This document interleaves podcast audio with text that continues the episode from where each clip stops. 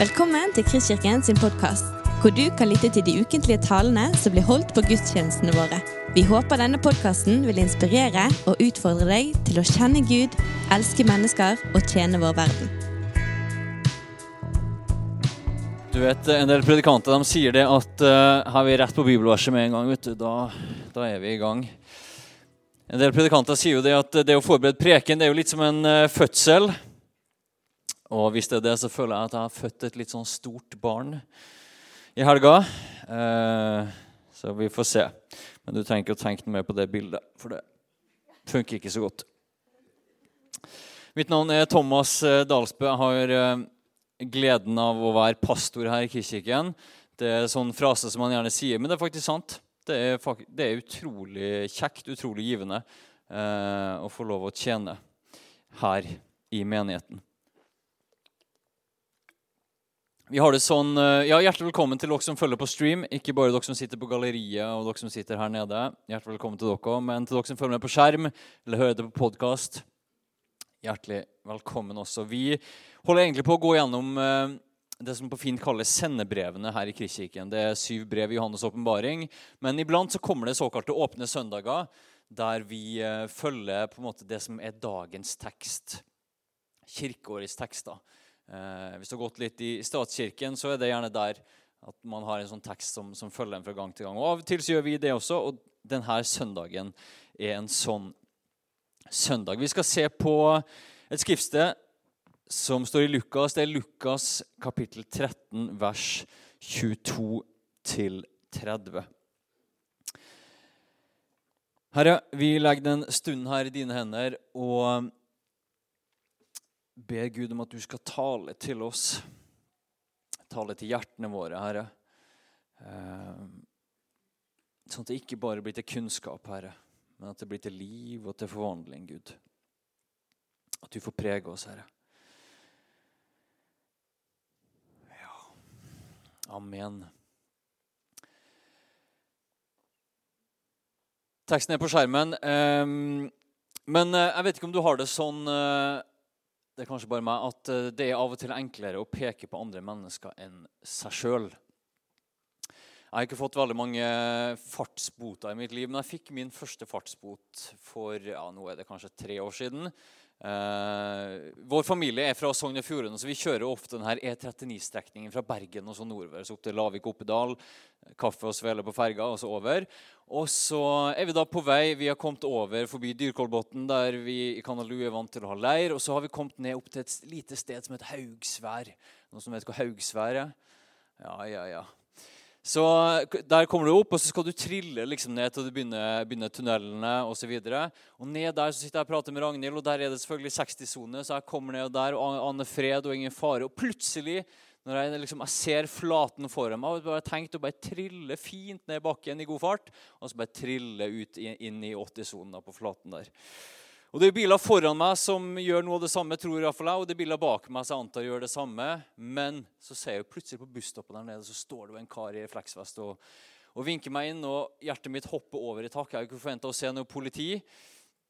Og Han vinker meg inn, og, og, jeg tror ikke han spurte hvor fort det gikk. eller noe sånt. Han så vel at jeg var eh, jeg gjorde ikke noe forsøk på å, å nekte det som hadde skjedd. Ikke, jeg mista ikke lappen, altså, bare for å si det, men det ble en bot. Og Min første reaksjon er jo først sånn at jeg blir redd. Oi, jeg har gjort noe galt. og, og, og sånn, triller inn, og Jeg skjønner jo fort at jeg har kjørt for fort. Men min neste reaksjon Hvorfor tok du ikke han som kjørte foran meg? Det var jo en som lå, Jeg gjorde bare akkurat det samme som han som kjørte foran meg. gjorde. Jeg kjørte like fort. Jeg trilla rett bak han. Og rett bak meg, tror du ikke der, der kjører du en rett forbi der, og så så du ikke han. Min instinkte reaksjon er jo 'Hallo, hvorfor tok du meg?' Så sa jeg jo ikke det til politimannen. Jeg var høflig og fin, og til og med før jeg ble pastor, faktisk. Og tok, godtok boten. Ehm, men inni meg så tenkte jeg hvorfor tok du ikke han der bak? Hvorfor tok du ikke han der foran? Det er så enkelt å, å peke på andre. Og så Hadde jeg sagt det, så ville, jeg, ville nok politimannen ha sagt til meg at uh, fokuser på deg sjøl, du. Hvor fort du kjører. Litt av det samme skal vi se på i dagens tekst. Der det er en mann som spør Jesus det her spørsmålet Herre, er det få som blir frelst? Det kan høres som et fromt spørsmål. Men det tyder på at uh, mannen er mest interessert i, i, i, det nysgjerrige, i det spekulative. Og så ganske raskt så vinkler Jesus han inn på Nei, vet du hva, jeg vil ikke svare deg på det spørsmålet. Men her er det du skal fokusere på. Så vi leser. Du har det på skjermen, eller du kan ta det på mobilen din eller der du har Bibelen. Så vi leser. På reisen til Jerusalem dro Jesus fra by til by og fra landsby til landsby og underviste. Da var det en som spurte, 'Herre, er det få som blir frelst?' Han sa til dem, 'Kjemp for å komme inn gjennom den trange døren, for jeg sier dere, mange skal forsøke å komme inn, men ikke klare det.' Når husherren først har reist seg og lukket døren, og dere blir stående utenfor og banker på oss og sier, 'Herre, lukk opp for oss', da skal han svare, 'Jeg vet ikke hvor dere er fra'. Da vil dere si, 'Vi har jo spist og drukket sammen med deg, du har undervist på gatene våre.' Men han skal svare, 'Jeg vet ikke hvor dere er fra.' Bort fra meg, alle dere som gjør urett. Der skal dere gråte og skjære tenner når dere ser Abraham og Isak og Jakob og alle profetene i Guds rike, mens dere selv blir kastet utenfor. Fra øst og vest og fra nord og sør skal mennesker komme og sitte til bords i Guds rike. Da skal noen som er de siste, bli de første, og noen som er de første, bli de siste. Hørte ingen halleluja på den teksten her, for det er jo en litt jeg skal innrømme det er en litt vanskelig tekst. Eh, når vi leser evangeliene, så er det Jesus sier veldig mye bra, og så kommer vi til noen sånne skrifter. Bare, ah, Jesus, Hvorfor, liksom? Det er, litt, det er litt hardt, det er litt voldsomt, det er litt alvorlig. Men vi skal gjøre et forsøk til å stupe inn i dag. Det krever litt arbeid, så jeg håper du er litt sånn i arbeidsmodus. Vi, skal, vi må grave litt i teksten sammen, og så skal vi se litt hva det, det er Jesus er ute etter her, og hva det kan bety for oss. Og så skal vi, tror jeg vi skal lande på, på et godt sted. Ok, Men eh, fest setebeltene og få på arbeidshansken. Vi skal inn litt i teksten. Teksten starter med at Jesus Eh, eller Lukas som skriver det her, poengterer at Jesus er på vei til Jerusalem. Og Det er ingen liten detalj, fordi at Jesus har holdt på i Galilea og i Nasaret. Og nå, eh, som, som, Lukas har skrevet litt tidligere, så har Jesus satt sitt ansikt foran. Han har satt seg for at nå skal han til Jerusalem. Og så som at du, du aner en litt sånn opptakt i evangeliehistorien fordi Jesus nå skjønner at enden nærmer seg. Det, det, det, er akkurat som at det, det, bygger seg opp mot en sånn konfrontasjon med mørkets krefter. Som for hvert steg han tar nærmere Jerusalem, så ser du at det litt sånn det intensiveres. Og de her som, som, kanskje på fint kalles litt sånn, av Jesus, litt sånne domsord og litt sånne harde ord, de, de kommer i litt sånn økende takt nå, ettersom at Jesus nærmer seg Jerusalem.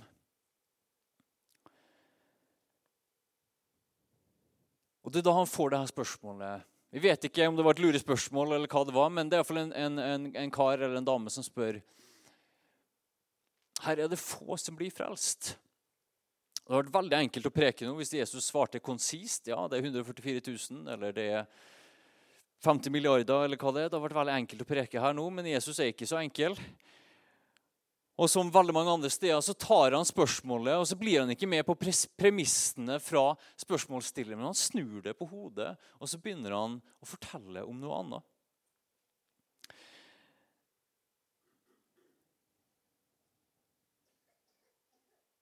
Han bruker anledningen til å komme med et annet poeng, kanskje et viktigere poeng. Han er ikke med på øvelsen med å tallfeste hvor mange som blir frelst, men fokuserer heller på hvordan bli frelst. Og jeg ser for meg Hadde han vært i debatten på NRK, så ville jo programlederen ha pusha han skikkelig. Svar direkte, ikke sno deg unna spørsmålet. Og Heldigvis så svarer Jesus oss ikke alltid det vi vil høre, men kanskje det vi trenger å høre. Og Det er vel det du er glad når ektefellen sier til deg. at Det er ikke hans, det er ikke det her du trenger, nei, det er ikke det her du vil høre, men det er det her du trenger å høre. Det, det, det er alltid godt, sant?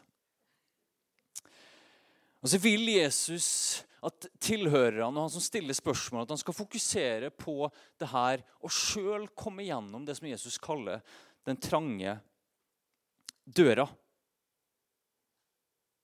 Uansett hvor vanskelig det er. Og ikke spekulere om hva som skjer med alle andre. Ok, Vi må ta et første sånn arbeidsstopp her. For Vi må snakke om hva betyr det her å bli frelst.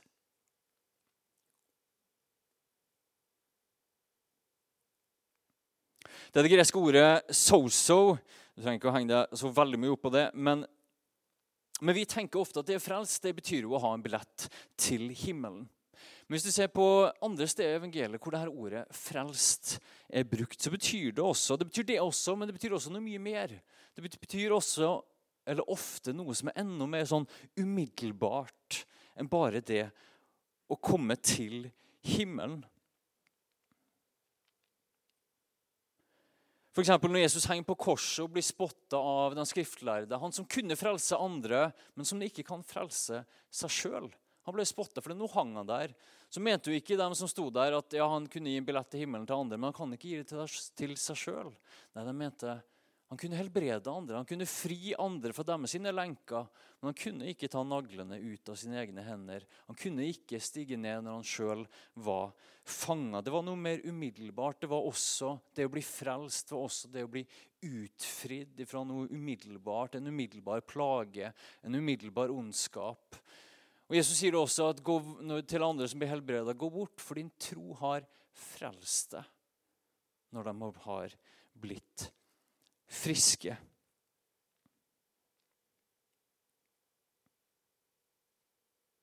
Så kommer vi til det bildet her at det er en dør. Jesus sier 'kjemp for å komme gjennom den trange døra'. Det her er jo kanskje noe av den smale vei og den trange dør og den breie vei og det fører til fortapelse. Det er jo kanskje mange, mange, som ikke tror på Jesus, vil nok også kunne sitere dem her, for det kjente bilder. sant? Men Jesus bruker da det bildet om at man skal kjempe for å komme inn en trang dør eller en port. I Matteus-versjonen av det her evangeliet så står følgende Gå inn gjennom den trange porten, for vi er porten og bred er veien som fører til fortapelsen. Og mange er de som går inn gjennom den. Men trang er den porten, og smal er den veien som fører til livet. Og få er de som finner den.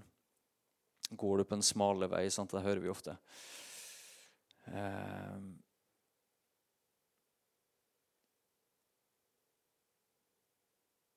og videre i Johannes evangeliet så sier Jesus om det her, det her om seg sjøl. Jeg er porten.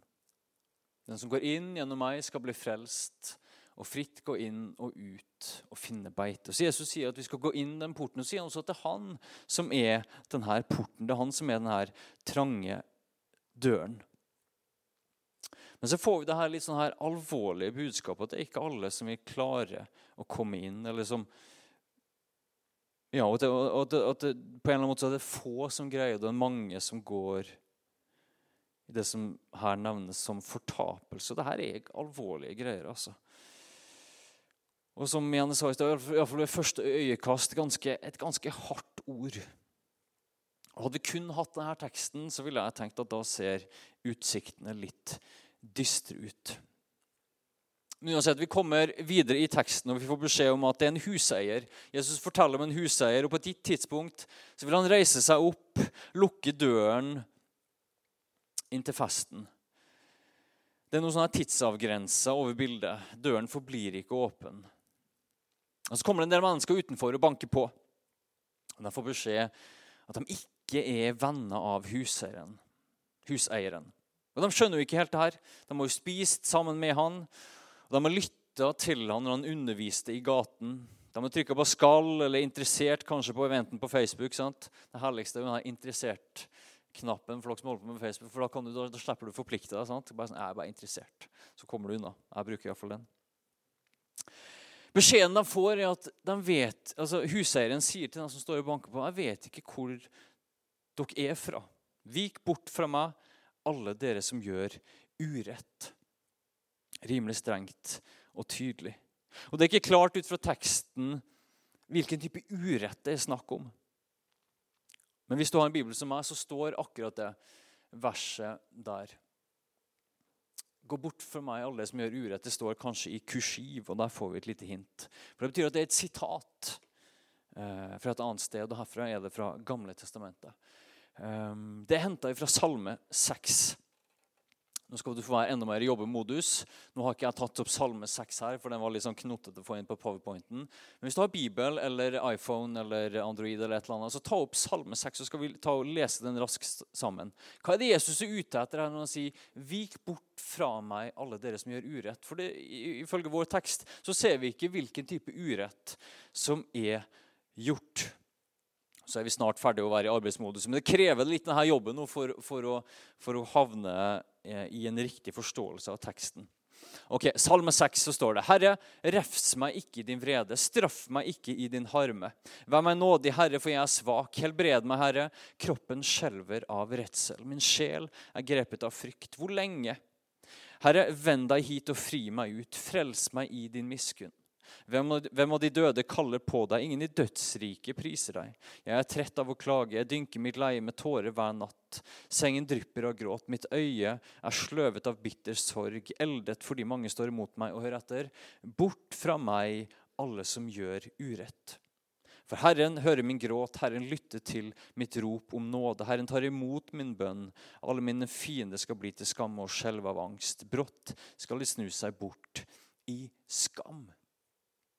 Ok, så Her er det salmisten, det er hovedpersonen i Salme 6, som sier det. er Bort fra meg, alle dere som gjør urett. Og Hva er det vi leser ut fra teksten? Jo, det er at hovedpersonen, salmisten, han blir forfulgt. Han blir undertrykt. Og han sier at fiendene skal vike bort fra han fordi Herren har hørt hans bønn. Og Plutselig så er det jo ikke vanskelig å skjønne at noe av det her var også det Jesus sto i når styresmaktene og de åndelige kreftene begynte å stramme snøret rundt Jesus for å lede han inn mot Jerusalem. Da ser vi også at de som blir avvist i døra, ikke er bare uheldige gjester som mista bussen. De har mer blandede hensikter. De forfølger huseieren. Dette gir enda mer mening når vi leser videre. hvis du, du kan gjøre når du kommer hjem, Vi har ikke tid til det her nå, men det er jo en sånn nøkkel i, i skriftstolkning. Les det som kommer før skriftstedet du skal lese i, og les det som kommer etterpå. Det kalles fint kontekst. Og Hvis du leser litt videre fra det verset, her, så snakker Jesus masse om sin død, at han skal til Jerusalem. Så der også gir det mening. Så får vi denne beskjed om at de som er stengt ute fra festmåltidet, de gråter og skjærer tenner igjen et eller annet vanskelig sak. altså. Men jeg har alltid tenkt at, det her med å, å, å, at når, når, Bibelen sier at noen som gråter og skjærer tenner, så har jeg alltid tenkt på det eh, som helvete. Sånn at her er det folk som lider i smerte.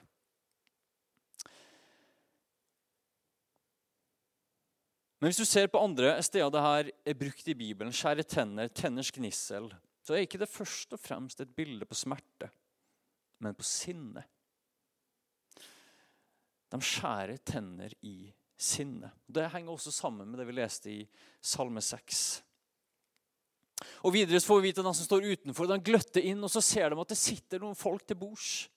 Der sitter Isak og Jakob og Abraham, jødene sine patriarker.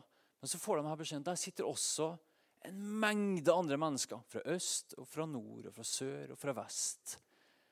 Og så står det at det vekker opp det her sinne for den som står utenfor.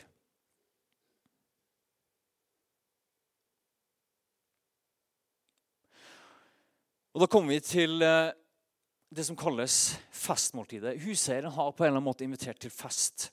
Dette er en tematikk som vi finner i åpenbaringsboken, eh, i nattverden, i lammets bryllup. Det her med at Gud inviterer til et festmåltid. Og For tilhørerne til Jesus så ville det vært Jesaja 25, som var kanskje det mest sentrale verset for å forstå det her at Gud innbyr til fest. Nå er vi snart ferdige i jobbeperioden i preken. Vi har snart jobba oss gjennom teksten.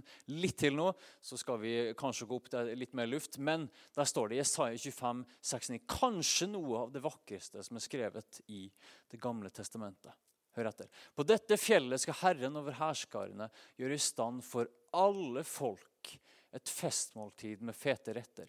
Et festmåltid med gammel vin med fete, margfulle retter. Det er lenge siden du har spist margfulle retter. På dette fjellet skal han slukke, nei, sluke sløret som tilslører alle folk. Dekke som tildekker alle folkeslag. Han skal sluke døden for evig.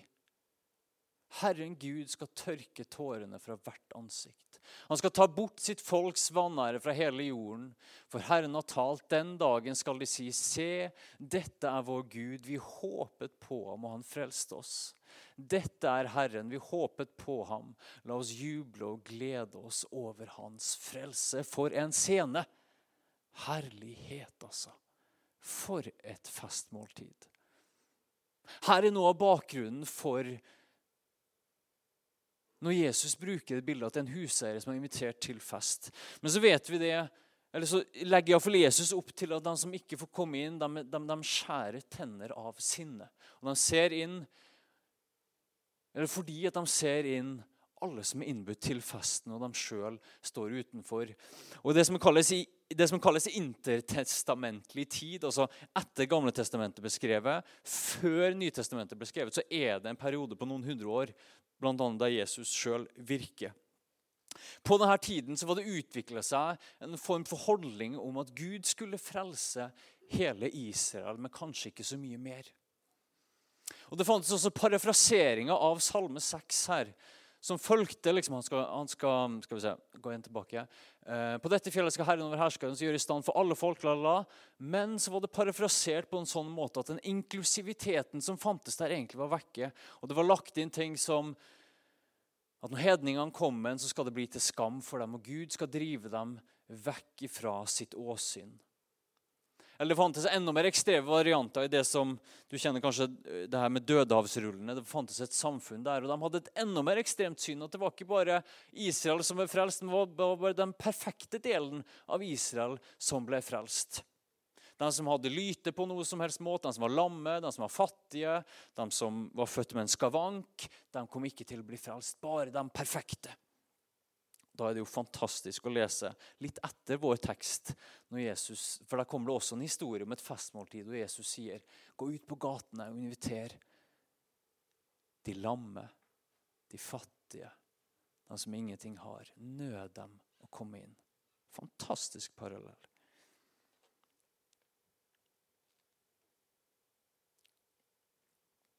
Men iallfall, vi, nærmer uh, vi nærmer oss slutten på, på, det som er vår tekst. I begynnelsen av teksten så kommer spørsmålet er det få som blir frelst. Og Jesus svarer at du må kjempe eller det vil si, han, ikke, ikke tenk på hva som skjer med alle andre, men tenk på deg sjøl.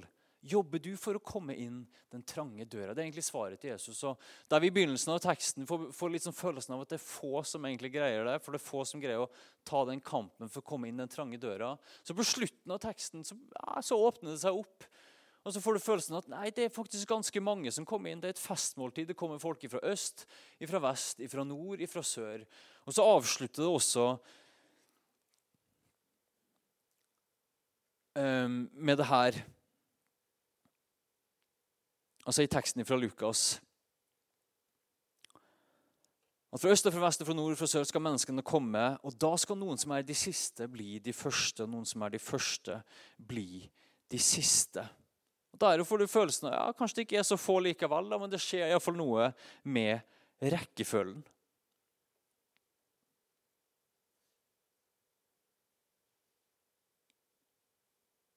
Det kommer en sånn her stor reversering.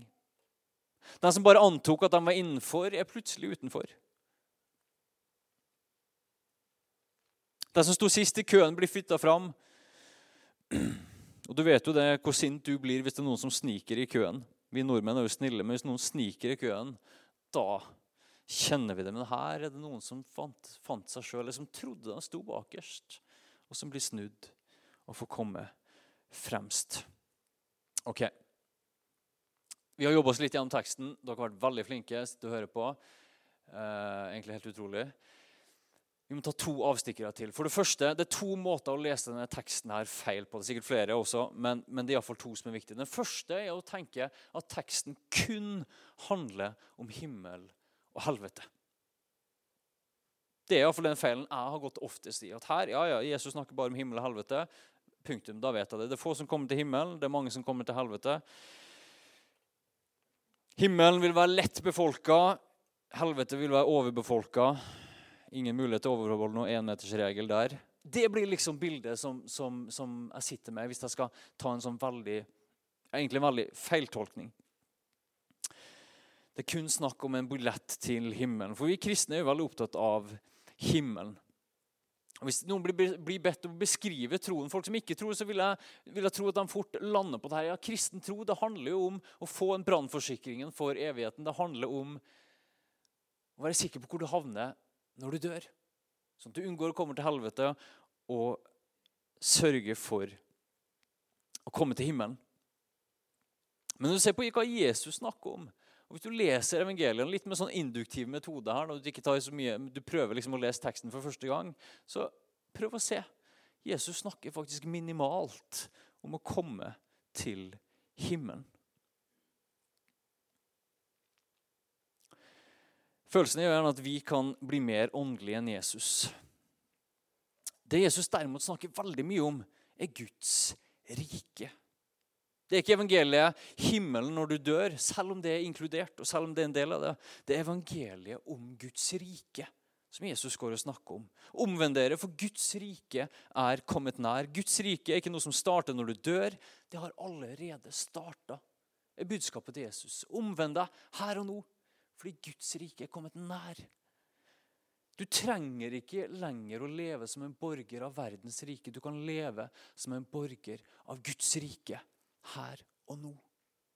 Livet ditt kan begynne å ta form etter Jesus Kristus her og nå. Det vil følge deg inn i evigheten, men det begynner nå.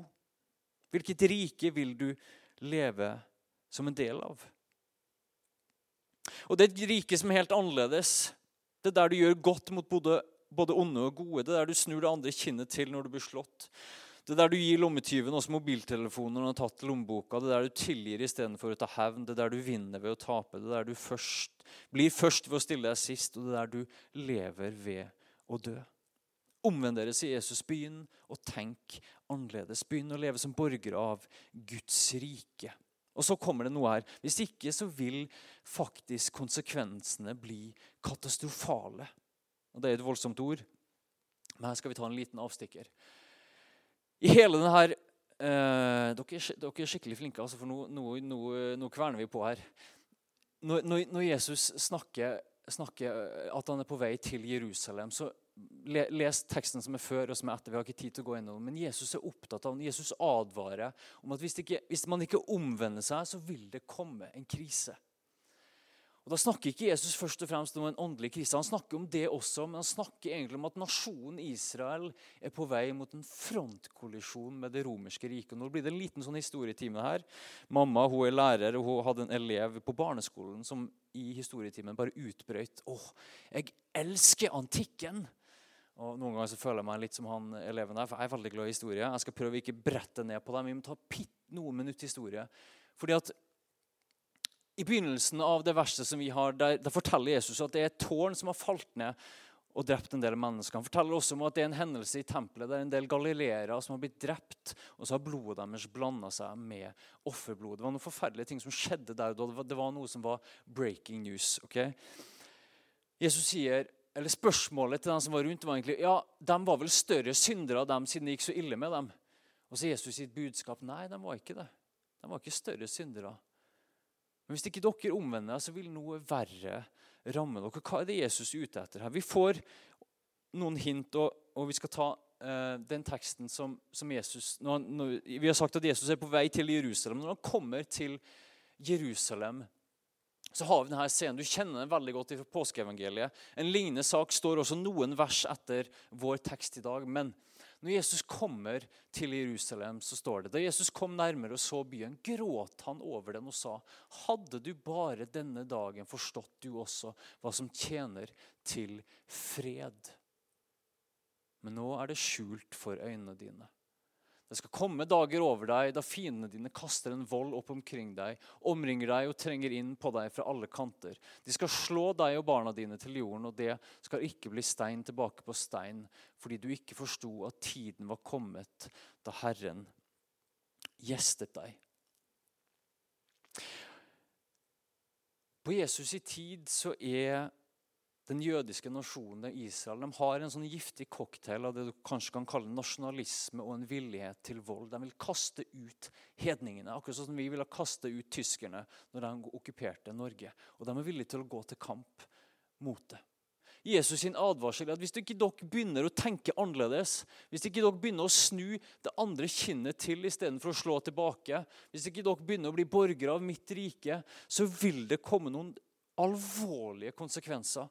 Og De konsekvensene utspiller seg i år 70. Da er det den romerske hæren som har omringa Jerusalem. De har beleira byen, og de inntar byen. Og Det blir en menneskelig katastrofe nesten, som er nesten uforståelig. Når de romerske troppene bryter inn i Jerusalem, så de, møter de rett og slett et helvete. De møter en befolkning som er utsulta, som har tydd til kannibalisme. Og ikke bare det, men Når, når styrkene kommer inn, så, så, så, utvikler seg alt går ut av kontroll, og tempelet blir brent ned. og Jerusalem er ikke til å kjenne igjen. Hele Jerusalem blir lagt i aske. Var det her fordi at Gud ville det? Nei. Jesus kom for å advare. At Hvis dere ikke går gjennom meg som er døren, hvis dere ikke hører på budskapet mitt, tenk bergprekenen din, tenk snu det andre kinnet til, så er det noen forferdelige konsekvenser lenger ned i gaten. Og Jesus gråter når han rir inn til Jerusalem, for han vet at han vil ikke høre. Hadde du bare på denne dagen visst hva som tjener til fred.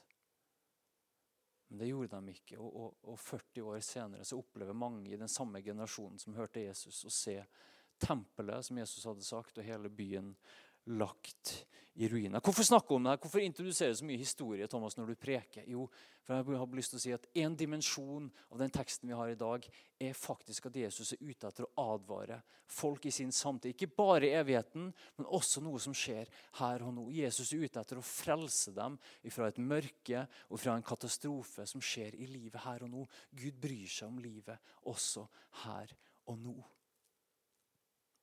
Ok, dere er veldig flinke et perspektiv til.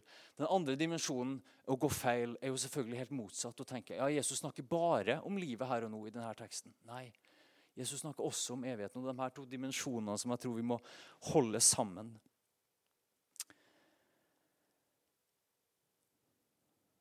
Vi kan tenke at det Jesus sier, gjelder kun dette livet, å miste evighetsperspektivet. Det er et alvor over teksten, og det er mulig sier Jesus, på en eller annen måte å spasere forbi den porten som fører til liv. Ikke bare i dette livet, men også i det neste. Og Det er en klar oppfordring om å på en eller annen måte streve for å komme inn den trange døren. Og hva det ordet 'streve' her? Det er visst på gresk ja, for så er det samme ordet som ble brukt på idrettsarenaen når de skulle prøve å komme seg forbi ulike hinder over bukken, forbi et eller annet, og, og, komme seg i mål. De strever for å komme seg i mål, for å komme seg forbi hindrene. Og Ifølge Jesus så er det noen hinder. Vi kan møte noen hinder som, som, som, som prøver å hindre oss ifra å komme inn den trange porten som fører til liv.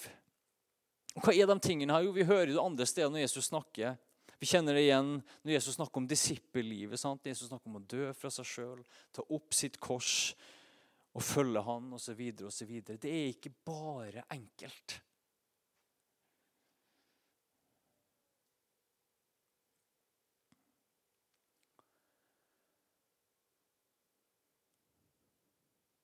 Spørsmålet var jo herre, er det få som blir frelst. Et annet viktig spørsmål er ok, Ok, vi, vi, vet ikke hvor mange som blir frelst, men hva er Guds ønske? Jeg har lyst til at du bare skal se den også. 2. Peter 3,9. Herren er ikke sen med å oppfylle sitt løfte, som noen mener. Nei, han er tålmodig med det, for han vil ikke at noen skal gå fortapt, men at alle skal nå fram til omvendelse. Johannes 12, 32. Og når jeg blir løftet opp fra jorden, skal jeg dra alle til meg. Johannes 12, 32. Det sanne lys som lyser for hvert menneske, kom nå til verden. Og Paulus, når han står i Aten Dette gjorde han, altså Gud, for at, for at de skulle søke Gud, om de kanskje kunne lete seg fram og finne ham. Han er jo ikke langt borte fra en eneste en av oss, for det er i ham vi lever, beveger oss og er til. Hva er Guds ønske? At alle skal bli frelst. Jesus sier ja, det er noen hindringer der, men hva er Guds ønske? At alle skal bli frelst. Hvert menneske som er født. Hvert menneske som er født. Det er Guds bankende hjerte skal bli frelst. Og hva er frelst? Jo, både i dette livet og i det neste. Skal erfare liv med Gud. Skal få erfare å være kobla opp mot livets kilde. Det er Guds ønske, han som lengter etter at hvert menneske skal bli frelst. Av og til så hører du en del kristne retninger som, som, snakker om at, om at noe, Gud har skapt noen til fortapelse og noen til himmelen. Vrøvel. Les Bibelen. Gud vil at alle skal bli frelst. Ok, Men hva er det her da som hindrer oss? Hvis vi tar teksten, og nå, vi, nå begynner vi å lande flyet Dere har vært superflinke. altså Jeg ser ingen som sover. Det er kanskje noen som gjør det bak. Det er litt mørkere der, og jeg vet ikke hva folk gjør hjemme. Ok, Men vi, vi har arbeidet oss gjennom. Vi, vi, vi skal begynne å, å, å, lande flyet og, og, lande litt lettere. Men hva det betyr det i så fall for oss? Jo, én ting vi lærer fra teksten, er jo altså Hva er det som hindrer oss å komme inn denne trange døren? Jo, det er jo tanken om at, han, om at man allerede er inne. Eller for å si det på en annen måte at man selvfølgelig er jo er inne. Jeg er jo født i riktig familie. Jeg har jo gått i kirka hele mitt liv. Faren min er jo pastor. Jeg leser jo Bibelen hver morgen. Jeg banner jo ikke. Selvfølgelig er jeg inne. Det var jo litt holdningen som, som, Jesus møter iblant en del av de her skriftlærde fariseerne. De som antok at de sto først i køen. Ja, selvfølgelig. Jeg har jo det og det og det og det å vise til. Ja, Det er faktisk noe som kanskje kan hindre oss i å komme gjennom den trange døra. Denne følelsen av privilegium, denne følelsen at jeg fortjener det. Denne følelsen at jeg har fått det til. Og Den ligger jo ikke så høyt oppe hos oss, for vi vet at vi skal jo ikke være sånn, men kanskje hjertet vårt av og til tyr til det. Paulus sier jo det her at han har masse å vise til, men han ser på det bare som skrot. Fordi alt er en gave ifra Jesus. Så Jeg husker selv når jeg ser tilbake på mine litt sånn, eh, for å si litt flåsete, Jeg ble en veldig sånn ivrig kristen på en, på en god måte altså når jeg var sånn 13-14 år. Da skjedde et eller annet i mitt eget trosliv. og Det var fabelaktig tid. og uh, Gud gjorde masse fantastisk med. Så, men så er det som her at Gud begynner å bruke oss før vi er perfekte. sant? Og Når jeg bare ser tilbake på den tiden, her, så skjedde ufattelig mye godt. Og så ser jeg også bare hjertet mitt var superstolt. Altså Jeg kunne si ting jeg kunne tenke ting som jeg rister på hodet over noe. bare sånn, ja, jeg, jeg, sa det jo ikke, men jeg kunne tenke å ja, du sliter med å lese Bibelen. Du. Ja, ja, jeg leser to timer hver morgen. Å ja, du syns det er vanskelig å ikke banne? Jeg har ikke banna siden jeg var fem år. Sånne ting kunne jeg gå, kunne jeg gå og kjenne på. Fordi det, jeg leste masse Bibel og var oppe tidlig om morgenen. og alt det her. Og så skal vi ta den historien senere. Alt det her kollapsa jo under vekten av seg sjøl på et eller annet tidspunkt og så erfarer man nåde. sant? Men ja, om du har skrevet det, selvfølgelig er vi ferdig med alt det her nå. Har jo ingenting av sånt igjen. Men det vi snakker om, er jo kjøttet, vår egoisme, det som setter oss sjøl i sentrum. En interessant detalj i Matteus-versjonen av den teksten vi har sett på, der det står om å gå inn den trange porten, uh, for, vei, nei, for brei den porten som fører til fortapelse. Rett før det så er det faktisk bergprekenen. Så har Jesus sagt det her. Det du vil at andre skal gjøre mot deg, skal du gjøre mot dem. Er det en kobling? Jeg bare stiller spørsmålet.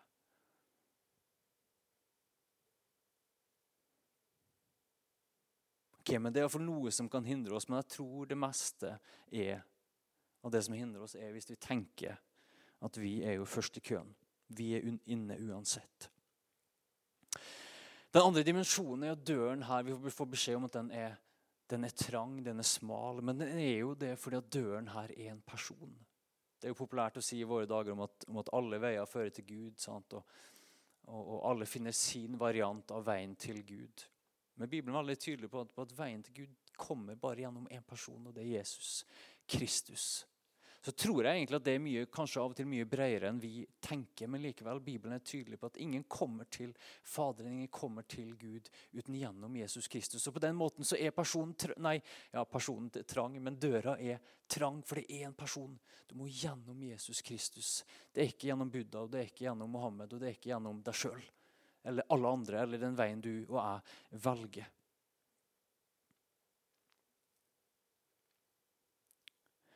Og Når Jesus snakker om det her, og når vi ser evangeliene i sin helhet, som ofte er veldig lurt, så blir iallfall mitt inntrykk at det å komme inn denne trange døra, det er både lett og vanskelig. Det er lett fordi det er ikke snakk om å fortjene det. Det er ikke snakk om at du har med dine privilegier og dine rettigheter og alt du hadde fått til for å komme deg inn. Det er ikke snakk om å prestere seg inn i Guds rike. Det er ikke snakk om å ha de riktige kontaktene. Det er ikke snakk om å kvalifisere seg gjennom gode gjerninger eller fromt liv. Men i samme stund så kan det være vanskelig. Fordi at Jesus inviterer oss til å gå sammen med seg sjøl. I hebreerbrevet så står det følgende Derfor og Det er egentlig en oppfordring bare til å se til Jesus. og vi skal, vi skal, avslutte med det. Når vi har en så stor sky av vitner omkring oss, så la oss legge av alt som tynger, og synden som så lett fanger oss inn, og med utholdenhet fullføre det løpet som ligger foran oss, med blikket festet på ham som er troens opphavsmann og fullhender. Interessant at det er Jesus sin tro, ikke din. Han er den som skaper den, og som fullfører den. For å få den gleden han hadde i vente, holdt han ut på korset uten å bry seg om skammen. Nå har han satt seg på høyre side av Guds trone. Ja, tenk på ham som holdt ut en slik motstand fra syndere, så dere ikke blir trette og motløse. Fest blikket på Jesus.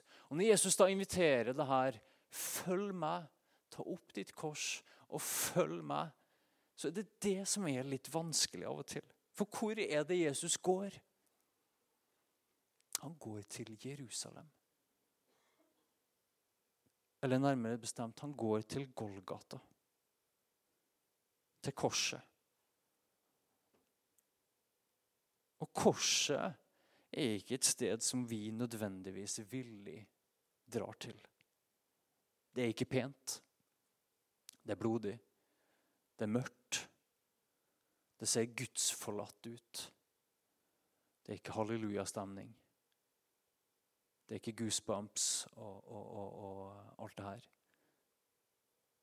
Det ser skikkelig mørkt ut.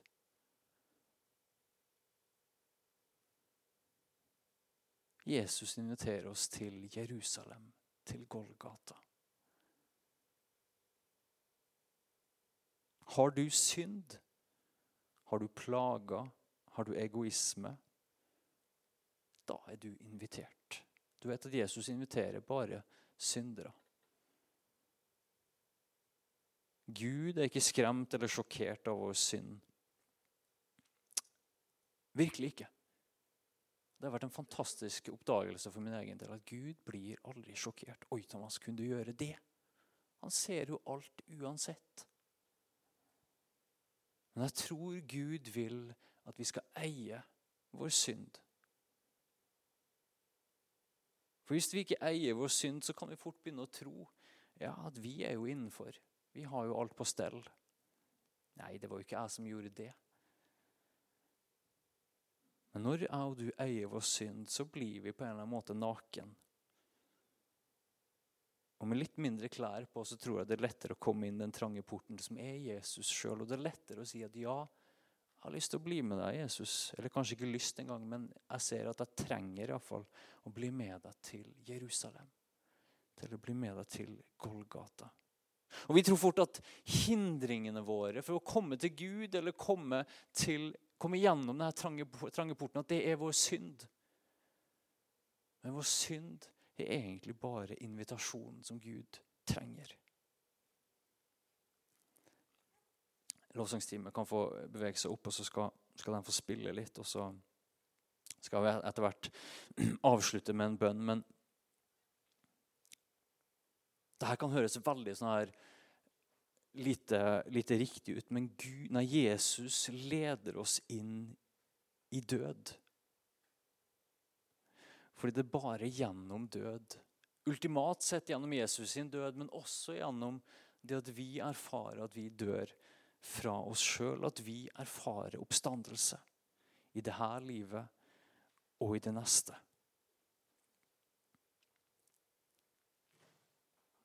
At Når du kommer til Gud, så trenger du ikke å lete etter alle de her halleluja-punktene i livet. Du trenger ikke å lete fram alt det i deg der du får det til. Nei, når, vi, når Jesus er på vei til Jerusalem og han inviterer meg og deg til å bli med dit,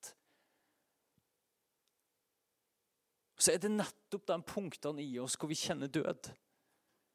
Hvor vi kjenner synd. Hvor vi kjenner det som er vanskelig. hvor vi kjenner det som plager, hvor vi kjenner det som knuger, hvor vi kjenner det at nei, vet ikke, jeg greier ikke alltid å komme inn denne trange døren. Jeg greier ikke alltid å følge deg, Jesus. Så er det paradoksale når du går med Jesus, i at de punktene i livet våre som vi trodde at Gud ikke ville se, som vi trodde som, som, vi, som vi så fort tror at holder Gud vekke, det er nettopp de punktene som kvalifiserer oss.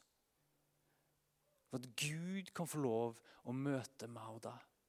Og Derfor vil jeg utfordre deg til at hvert punkt i ditt liv hvor du kjenner her er det, her smaker det død på en eller annen måte. Her smaker det mørke, her smaker det synd, her smaker det vanskelig. Gjerne de punktene i livet vårt som vi automatisk har lyst til å stille bakerst i køen.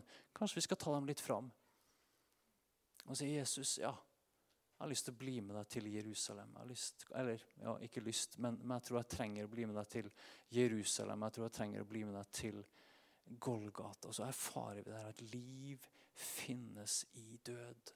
Og Når Jesus sier å dø fra seg sjøl, så betyr det ikke at jeg og du skal slutte å eksistere, men at vi skal bli fri fra kjøttet og fri fra egoismen og fri fra selvgodheten og bli de menneskene som Gud har skapt oss til å være. Hvem blir frelst? Det er ikke opp til oss å vite. Vi vet hva Gud ønsker. Jeg håper at alle blir frelst, men det vet bare Gud. Jesus oppfordrer oss til først og fremst å se på oss sjøl. Lever vi i Guds rike nå, der Jesus er Herre og Frelser? Og Gjør vi det, så vet vi at vi også skal leve i Guds rike etter døden. Du har lyttet til en podkast fra Kristkirken i Bergen. Vi håper du har blitt inspirert og utfordret i din vandring med Gud. Vil du vite mer om oss, så klikk deg inn på kristkirken.no.